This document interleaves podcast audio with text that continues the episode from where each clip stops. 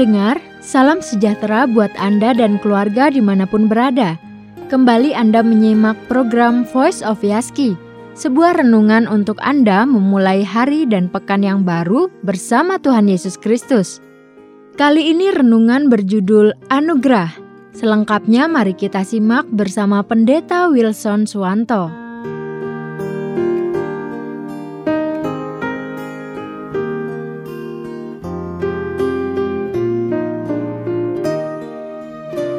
Saudara yang terkasih, kita akan bersama-sama membaca 2 Korintus 12 ayat yang ke-9.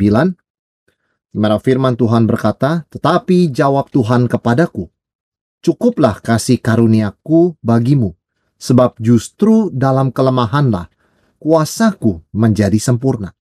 Sebab itu terlebih suka aku bermegah atas kelemahanku, supaya kuasa Kristus turun menaungi aku. Saudara yang terkasih, ada seorang pianis yang terkenal. Dia mendapat kesempatan untuk bermain piano di sebuah gedung konser di Jerman.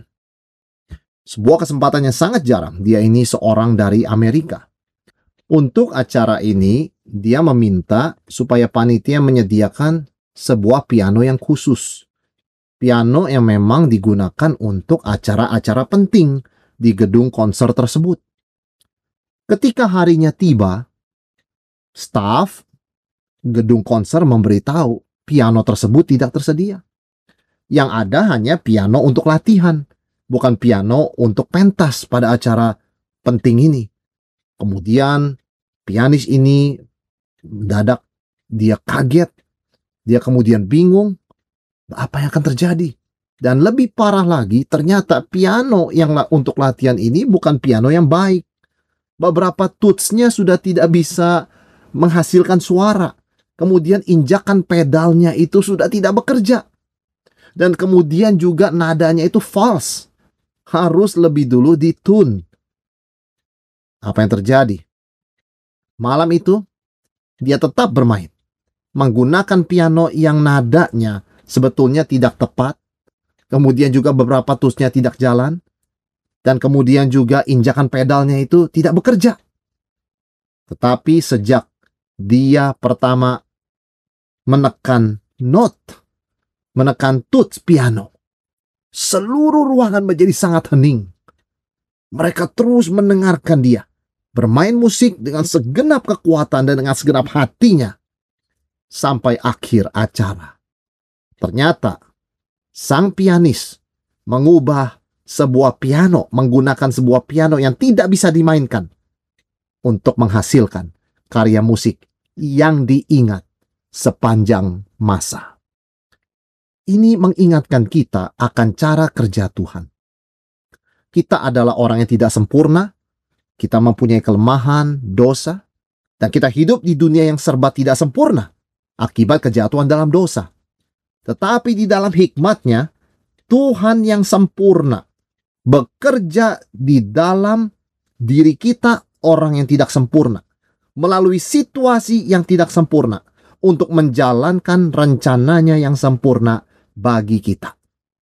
Itu sebabnya firman Tuhan mengatakan, Yesus berkata, Cukuplah kasih karuniaku bagimu, justru dalam kelemahanmu, ketidaksempurnaanmu, kuasaku menjadi sempurna. Artinya justru rencana Tuhan, kuasa Tuhan, kekuatan dari Tuhan itu dinyatakan sepenuh-penuhnya di tengah kelemahan, keterbatasan, dan ketidaksempurnaan kita. Luar biasa. Nah kalau kita pikir sebentar, mengapa Tuhan itu peduli kepada kita yang tidak sempurna ini? Mengapa Tuhan tetap mengasihi dunia yang sudah tercemar dosa ini? Mengapa Tuhan masih mau memakai kita yang tidak sempurna? Sekarang di dalam kehidupan kita, kalau kita jujur, ditanya, apa yang akan kita lakukan dengan sebuah barang yang tidak sempurna? Bayangkan jikalau kita mempunyai sebuah smartphone, sebuah HP, lalu layarnya sudah retak, sulit dibaca. Apa yang kita lakukan?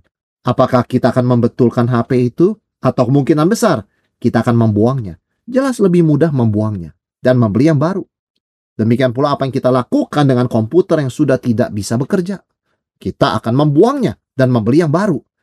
Tuhan bisa melakukan hal yang sama dengan dunia yang sudah tidak sempurna, sudah jatuh dalam dosa, dengan kita manusia yang sudah berdosa ini, dia bisa membuang dan memulai sesuatu yang baru, tetapi dia tidak melakukannya. Mengapa? Di sini kita belajar. Tuhan adalah Tuhan yang penuh dengan anugerah dan belas kasihan. The God of grace and mercy. Ini yang Alkitab ajarkan. Bahwa Tuhan mau bekerja di tengah manusia yang berdosa, yang tidak sempurna ini, di tengah dunia yang sudah jatuh dalam dosa dan tidak sempurna ini, untuk melaksanakan rencananya yang sempurna sejak kekekalan. Ini yang Alkitab katakan dengan anugerah Tuhan. Anugerah Tuhan. Apa itu anugerah Tuhan?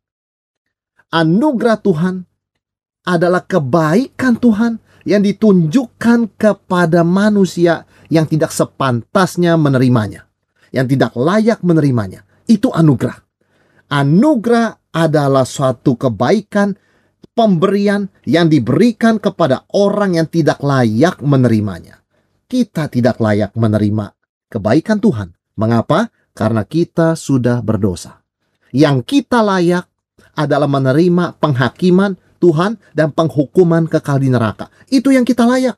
Kitalah selayaknya menerima murka Tuhan. Tetapi justru kita melihat Tuhan yang penuh dengan anugerah itu dan belas kasihan, dia menyelamatkan kita. Dia memberikan anaknya yang tunggal untuk memikul hukuman dan murkanya atas dosa kita. Sebagai orang berdosa, kita selayaknya dihukum. Dan itu yang seorang penjahat di kayu salib katakan di detik-detik kematiannya. Dia berkata kepada temannya, "Mengapa kamu mengejek Yesus? Sudah selayaknya orang seperti kita dihukum karena kita berbuat kesalahan, tetapi Yesus tidak pernah berbuat kesalahan." Di situ, penjahat di kayu salib menerima Tuhan Yesus. Dia menyadari dia orang berdosa yang selayaknya dihukum, dan dia tidak layak masuk dalam kerajaan sorga. Tetapi di situ dia berseru kepada Tuhan Yesus. Dia percaya kepada Yesus sebagai Raja, sebagai Tuhan, dan dia diselamatkan. Yesus berkata kepadanya pada hari ini juga, engkau akan bersama dengan aku di dalam Firdaus. Anugerah Tuhan diberikan kepada kita yang tidak layak menerimanya. Dan selayaknya sebaliknya menerima hukuman Tuhan. Tapi justru Tuhan memberikan anugerah itu kepada kita. Kalau kita melihat dunia dunia tempat kita hidup ini. Apa yang kita lihat? Satu kenyataan yang menyedihkan. Apa yang terjadi dengan orang-orang yang lemah? Orang-orang yang lemah itu ditindas. Orang-orang yang lemah itu dibohongi. Orang-orang yang lemah itu dimanfaatkan, dimanipulasi untuk kepentingan orang-orang yang kuat. Inilah dunia ini. Tidak ada anugerah di luar Kristus. Di dalam dunia hanya ada yang lemah ditindas, yang lemah dimanfaatkan, yang lemah dibohongi. Tetapi tidak demikian di dalam Kristus. Justru ketika Tuhan melihat kita itu lemah karena dosa, dia malah mengutus anaknya untuk mati bagi kita, disalibkan bagi kita sehingga dosa-dosa kita boleh diampuni. Bayangkan apa yang terjadi dengan seorang ibu yang sudah lanjut usia. Beberapa anaknya bersepakat menyerahkan ibu ini ke panti jompo, terpisah dari keluarganya, hidup dengan orang-orang dia, dia tidak kenal, tidak sesuai dengan kemauannya. Mengapa? Karena ibu ini sudah lemah, sudah lanjut usia, dan anak-anak ini lupa bahwa ketika mereka ini masih kecil, mereka dirawat oleh ibu yang mengasihi mereka. Seorang ibu bisa membesarkan tiga anak. Tiga orang anak tidak bisa memelihara satu ibu di hari tuanya. Menyedihkan bukan? Inilah realita. Tetapi di dalam Tuhan ada belas kasihan, ada anugerah. Sehingga sekalipun kita lemah, kita sudah lanjut usia, Tuhan tidak pernah melupakan kita. Bahkan dikatakan oleh firman Tuhan di dalam Roma 5 ayat yang ke-6. Ketika kita masih lemah. Waktu kita masih lemah. Kristus telah mati untuk kita, orang-orang durhaka, pada waktu yang ditentukan oleh Allah. Tuhan berbelas kasihan. Dia memberikan anugerah. Itu sebabnya setiap kali kita bisa bangun tidur pada pagi hari, kita bisa tidur pada malam hari dengan tenang, dengan nyenyak. Ingat, semua itu adalah karena anugerah Tuhan. Dunia ini penuh dengan dosa. Dunia ini ada pekerjaan iblis. Bagaimana mungkin kita bisa hidup dengan tenang? Kecuali karena anugerah Tuhan. Anugerah Tuhan yang memampukan kita melewati hari lepas hari. Anugerah Tuhan yang memberikan kepada kita hidup yang kekal di dalam Kristus. Anugerah Tuhan yang memberikan kepada kita hidup baru di mana kita dibebaskan dari manusia lama dari dosa-dosa kita di masa lalu sehingga kita boleh berjalan di dalam hidup yang baru bersama dengan Kristus. Memang situasi kehidupan ini tidak akan pernah sempurna sampai Yesus datang kedua kali nanti. Tetapi ingat, anugerah Tuhan tersedia cukup bahkan melimpah. Sehingga di tengah kelemahan, keterbatasan, kesulitan, pergumulan, kekecewaan kita, justru Tuhan tetap bekerja dalam situasi demikian untuk memberikan kepada kita kekuatan. Kita semakin merasakan kita ini dikuatkan oleh anugerah Tuhan. Kita ini sangat perlu akan Tuhan. Kita baru saja merayakan hari reformasi. Dan salah satu semboyan yang sangat terkenal dari hari reformasi atau gerakan reformasi adalah sola gratia yang berarti secara harfiah hanya oleh anugerah. Hanya oleh anugerah kita itu hidup, kita itu bisa memiliki hidup yang baru dan kita boleh mendapatkan jaminan kepastian hidup yang kekal karena iman kepada Yesus Kristus. Dan itulah anugerah Tuhan yang begitu besar. Anugerah Tuhan juga memberikan kepada kita masa depan yang pasti. Ada banyak dari orang, banyak kita hidup dengan sebuah impian, cita-cita di masa depan. Tentu cita-cita itu tidak salah. Kalau kita seorang mahasiswa, kita bercita-cita lulus. Kalau kita seorang siswa, kita bercita-cita masuk universitas. Kalau kita ini seorang yang sudah lulus dari universitas, kita bercita-cita mendapat pekerjaan. Kemudian juga mendapatkan pasangan, membangun keluarga, dan sebagainya. Tetapi ingat, cita-cita itu sering bisa tidak terjadi. Dan cita-cita itu tidak bisa menolong kita di dalam situasi yang sulit. Siapa yang bisa terhibur dengan cita-citanya? Apakah impian kita bisa menghiburkan kita di saat sulit dan sedih? Apakah impian kita bisa memberikan kita kekuatan untuk menghadapi hari esok? Tidak mungkin.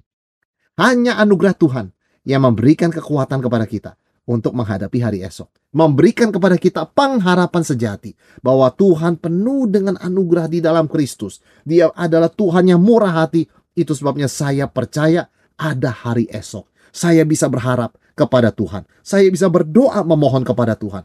Anugerah Tuhan adalah alasan mengapa kita percaya ada hari depan yang cerah bagi kita. Karena Kristus adalah milik kita, karena kita adalah milik Tuhan. Tuhan adalah pengharapan kita. Tuhan adalah masa depan kita. Anugerahnya cukup bagi kita setiap hari. Ketika kita itu kecewa dan merasa putus asa karena cita-cita kita tidak tercapai, ingat, kita hidup bukan karena cita-cita dan impian kita. Kita hidup karena ada Tuhan yang penuh dengan anugerah yang sudah memberikan anaknya yang tunggal untuk kita. Itu sebabnya anugerah Tuhan selalu cukup hari ini, setiap hari. Hari ini mungkin bukan hari yang mudah buat kita lewati, tetapi ingat anugerah Tuhan selalu tersedia dan tidak pernah kurang. Sebab itu dalam segala situasi kita boleh datang kepada Tuhan, meminta kepadanya, berseru kepadanya, dan mendapat pertolongan kita tepat pada waktunya. Dari takhta kasih karunia, dari takhta anugerah Tuhan. Kita sering menjadi kecewa ketika impian cita-cita kita itu tidak tercapai. Atau bahkan kita merasa impian dan cita-cita itu mati. Tetapi tidak. Kita hidup bukan karena impian, angan-angan, cita-cita kita. Kita hidup karena anugerah Tuhan dan anugerah Tuhan tidak pernah mati. Itu terus mengalir dari kekal sampai kekal. Itu yang kita bisa pelajari. Di dari bagian firman Tuhan ini. Rasul Paulus yang menuliskan 2 Korintus 12 tadi. Dia berada dalam situasi di mana ada duri dalam daging, Rasul Paulus katakan. Kita tidak tahu persis apa itu duri dalam daging, mungkin sebuah god, sebuah pencobaan, sebuah kondisi fisik yang terus mengganggu, yang dirasa menghambat pelayanan Paulus. Dan Rasul Paulus berdoa kepada Tuhan, Tuhan angkatlah duri dalam daging ini. Tiga kali dia berdoa, tiga kali Tuhan menjawab, no, tidak. Tetapi Tuhan tidak berhenti pada no. Dia Tuhan terus berkata, anugerah atau kasih karuniaku cukup bagimu. Karena justru dalam kelemahanmu, kuasaku menjadi sempurna. Maka Paulus setelah mendengar jawaban Tuhan, luar biasa dia katakan. Dia bersyukur. Tadinya dia berpikir kalau masih ada duri dalam daging, masa depannya akan sulit, pelayanannya akan sulit, masa depannya suram. Tapi tidak demikian setelah dia mendengar dan mengerti jawaban dari Tuhan tentang anugerah yang selalu cukup itu. Dia berkata, justru aku lebih senang di dalam situasi lemah seperti sekarang ini. Supaya kuasa Kristus semakin dinyatakan di dalam diriku. Sebab itu terlebih suka aku bermegah atas kelemahanku, supaya kuasa Kristus turun menaungi aku. Kelemahan jadi kekuatan. Karena ada anugerah Tuhan yang cukup dan berlimpah. Ini yang kita pelajari dari Rasul Paulus. Bahwa anugerah Tuhan memberikan masa depan yang sejati. Selama ini kita berpikir masa depan adalah berdasarkan cita-cita, angan-angan, keinginan, impian kita. Tetapi justru melalui kekecewaan di mana cita-cita, angan-angan kita tidak tercapai, di situ kita menemukan masa depan yang sejati, yaitu anugerah Tuhan yang cukup ada kehadiran, ada penyertaan, ada perlindungan dari Tuhan. Dan karena itu anugerah Tuhan memampukan kita menghadapi segala situasi. Karena kita terus bersandar dan bergantung kepadanya. Ketika saya tahu dan percaya bahwa Tuhan itu penuh anugerah dan anugerahnya tidak pernah kurang untuk saya, maka kita sanggup menghadapi segala situasi bersama dengan Yesus Kristus. Itu sebabnya firman Tuhan mengajarkan Yesus Kristus cukup. Hanya melalui Yesus kita bisa diselamatkan. Hanya melalui salibnya, hanya melalui kebangkitannya kita beroleh hidup yang kekal. Kristus saja. Kembali di dalam zaman reformasi juga dicetuskan sebuah slogan semboyan yang masih terdengar sampai hari ini. Solus Kristus. Hanya Kristus. Ketika kita mengatakan Yesus Kristus cukup, maksudnya adalah Yesus Kristus adalah segala-galanya. Sehingga kalau kita punya Kristus, kita punya segalanya, itu cukup. Tidak ada yang kurang. Kita bisa merasa cukup di tengah situasi yang orang bilang kurang. Ketika kita percaya bahwa anugerah Tuhan itu cukup, kita mengatakan anugerah Tuhan itu adalah everything, segala-galanya. Segala yang kita punya, segala yang kita bisa lakukan, segala yang kita bisa nikmati, apa pun itu menyenangkan atau tidak adalah anugerah Tuhan. Dan itu selalu cukup bagi saya. Maka di dalam segala situasi, ketika kita memegang kebenaran firman Tuhan ini, bahwa anugerah Tuhan selalu tersedia dan diberikan tepat pada waktunya, dan bagi orang percaya di dalam Kristus, Kristus cukup, anugerahnya tidak pernah kurang dan selalu hadir, maka dalam segala situasi, sukacita atau kesedihan, mendapatkan sesuatu atau kehilangan sesuatu, situasi yang lancar ataupun sulit, penuh dengan tantangan, anugerah Tuhan selalu tersedia cukup. Tidak pernah kurang, selalu mengalir dari salib Yesus di Kalvari. Ada kekuatan dari Tuhan, ada penyertaan Tuhan, dan ada penyediaan yang Tuhan berikan.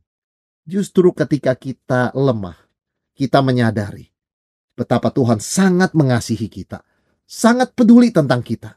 Dia tidak melupakan kita. Bahkan dia memberikan Yesus Kristus anaknya yang tunggal.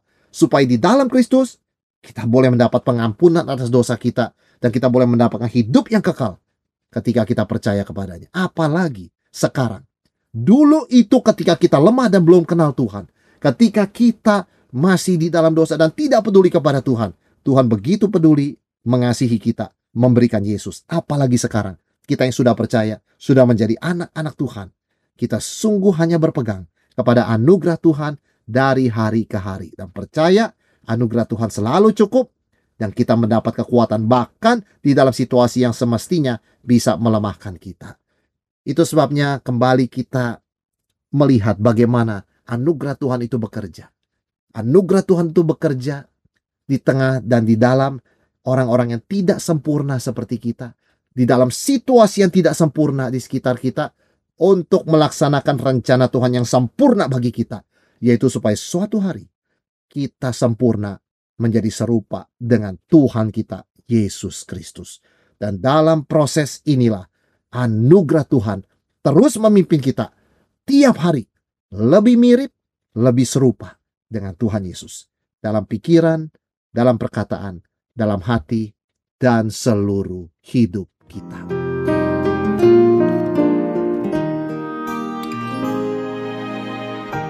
Demikian Voice of Yaski bersama Pendeta Wilson Swanto berjudul Anugerah.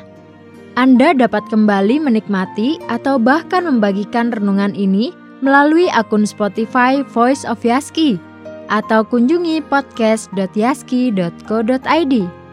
Bila Anda ada pertanyaan atau kesaksian seputar renungan kita kali ini, silakan kirimkan pesan Anda melalui WhatsApp di 0812 8784 7210. Selamat beraktivitas dan salam sehat selalu.